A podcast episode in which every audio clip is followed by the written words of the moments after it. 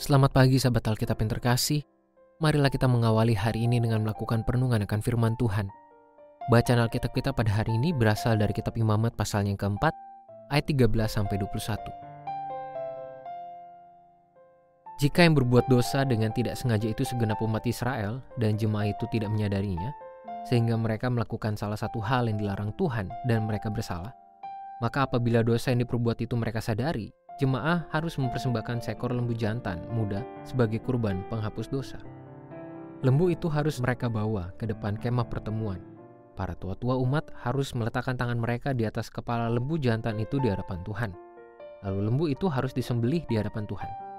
Imam yang dirapi harus membawa sebagian dari darah lembu itu ke dalam kemah pertemuan. Imam itu harus mencelupkan jarinya ke dalam darah itu dan memercikannya tujuh kali di hadapan Tuhan di depan tabir Kemudian sedikit dari darah itu harus dibubuhkannya pada tanduk-tanduk mesbah di hadapan Tuhan dalam kemah pertemuan. Selebihnya dari darah itu harus dicurahkannya ke bagian bawah mesbah kurban bakaran di depan pintu kemah pertemuan. Seluruh lemak harus dipisahkannya dari lembu itu dan dibakar di atas mesbah.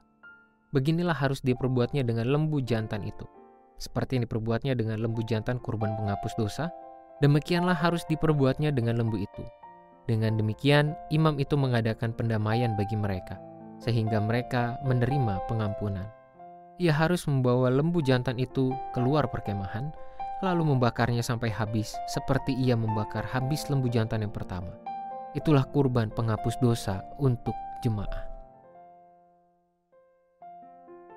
Perikop bacaan pada hari ini menunjukkan kepada kita mengenai proses pemberian kurban penghapus dosa yang dilakukan oleh umat Israel akibat ketidaksengajaan mereka dalam melakukan dosa tersebut.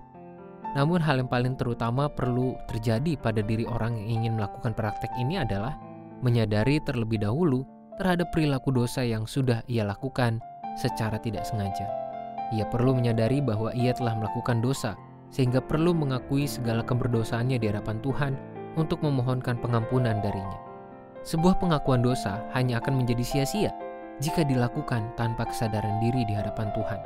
Itulah mengapa setiap umat Israel yang ingin memberikan kurban penghapus dosa kepada Tuhan perlu menyadari terlebih dahulu tindakan dosa yang ia perbuat. Kesadaran diri atas keberdosaan ibarat pintu yang terbuka bagi hadirnya ketulusan dan kejujuran pada diri seseorang yang mengaku dosa di hadapan Tuhan. Di kebanyakan tradisi peribadahan gereja, biasanya disertakan bagian pengakuan dosa sebagai sarana bagi umat untuk menghadap Tuhan dan memohon pengampunan atas segala keberdosaannya. Namun, sungguh disayangkan jika seorang umat Tuhan melakukan segmen pengakuan dosa tersebut tanpa dilandasi kesadaran yang jujur atas segala keberdosaan yang sudah ia lakukan. Kemudian, kesadaran atas dosa juga akan berdampak bagi seorang umat Tuhan untuk memahami bahwa hal tersebut adalah kesalahan yang menjadi jerat bagi dirinya yang dapat semakin memperberat langkah imannya di dalam Tuhan. Oleh sebab itu, setiap umat Tuhan perlu terlebih dahulu membangun kepekaan iman terhadap segala keberdosaan yang dapat muncul tanpa kita sadari. Marilah kita respons permenungan firman Tuhan pada hari ini dengan memaknai beberapa hal, yakni pertama, apakah kita sudah cukup menyadari setiap dosa yang kita lakukan? Kedua, apakah kita sudah cukup tulus mengaku dosa di hadapan Tuhan? Marilah kita berdoa.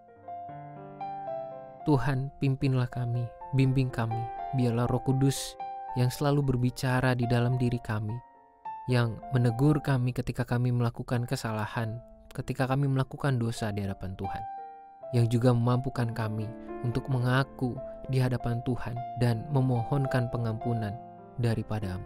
Tolonglah kami Tuhan, umatmu ini. Hanya di dalam nama Tuhan Yesus kami berdoa dan memohon.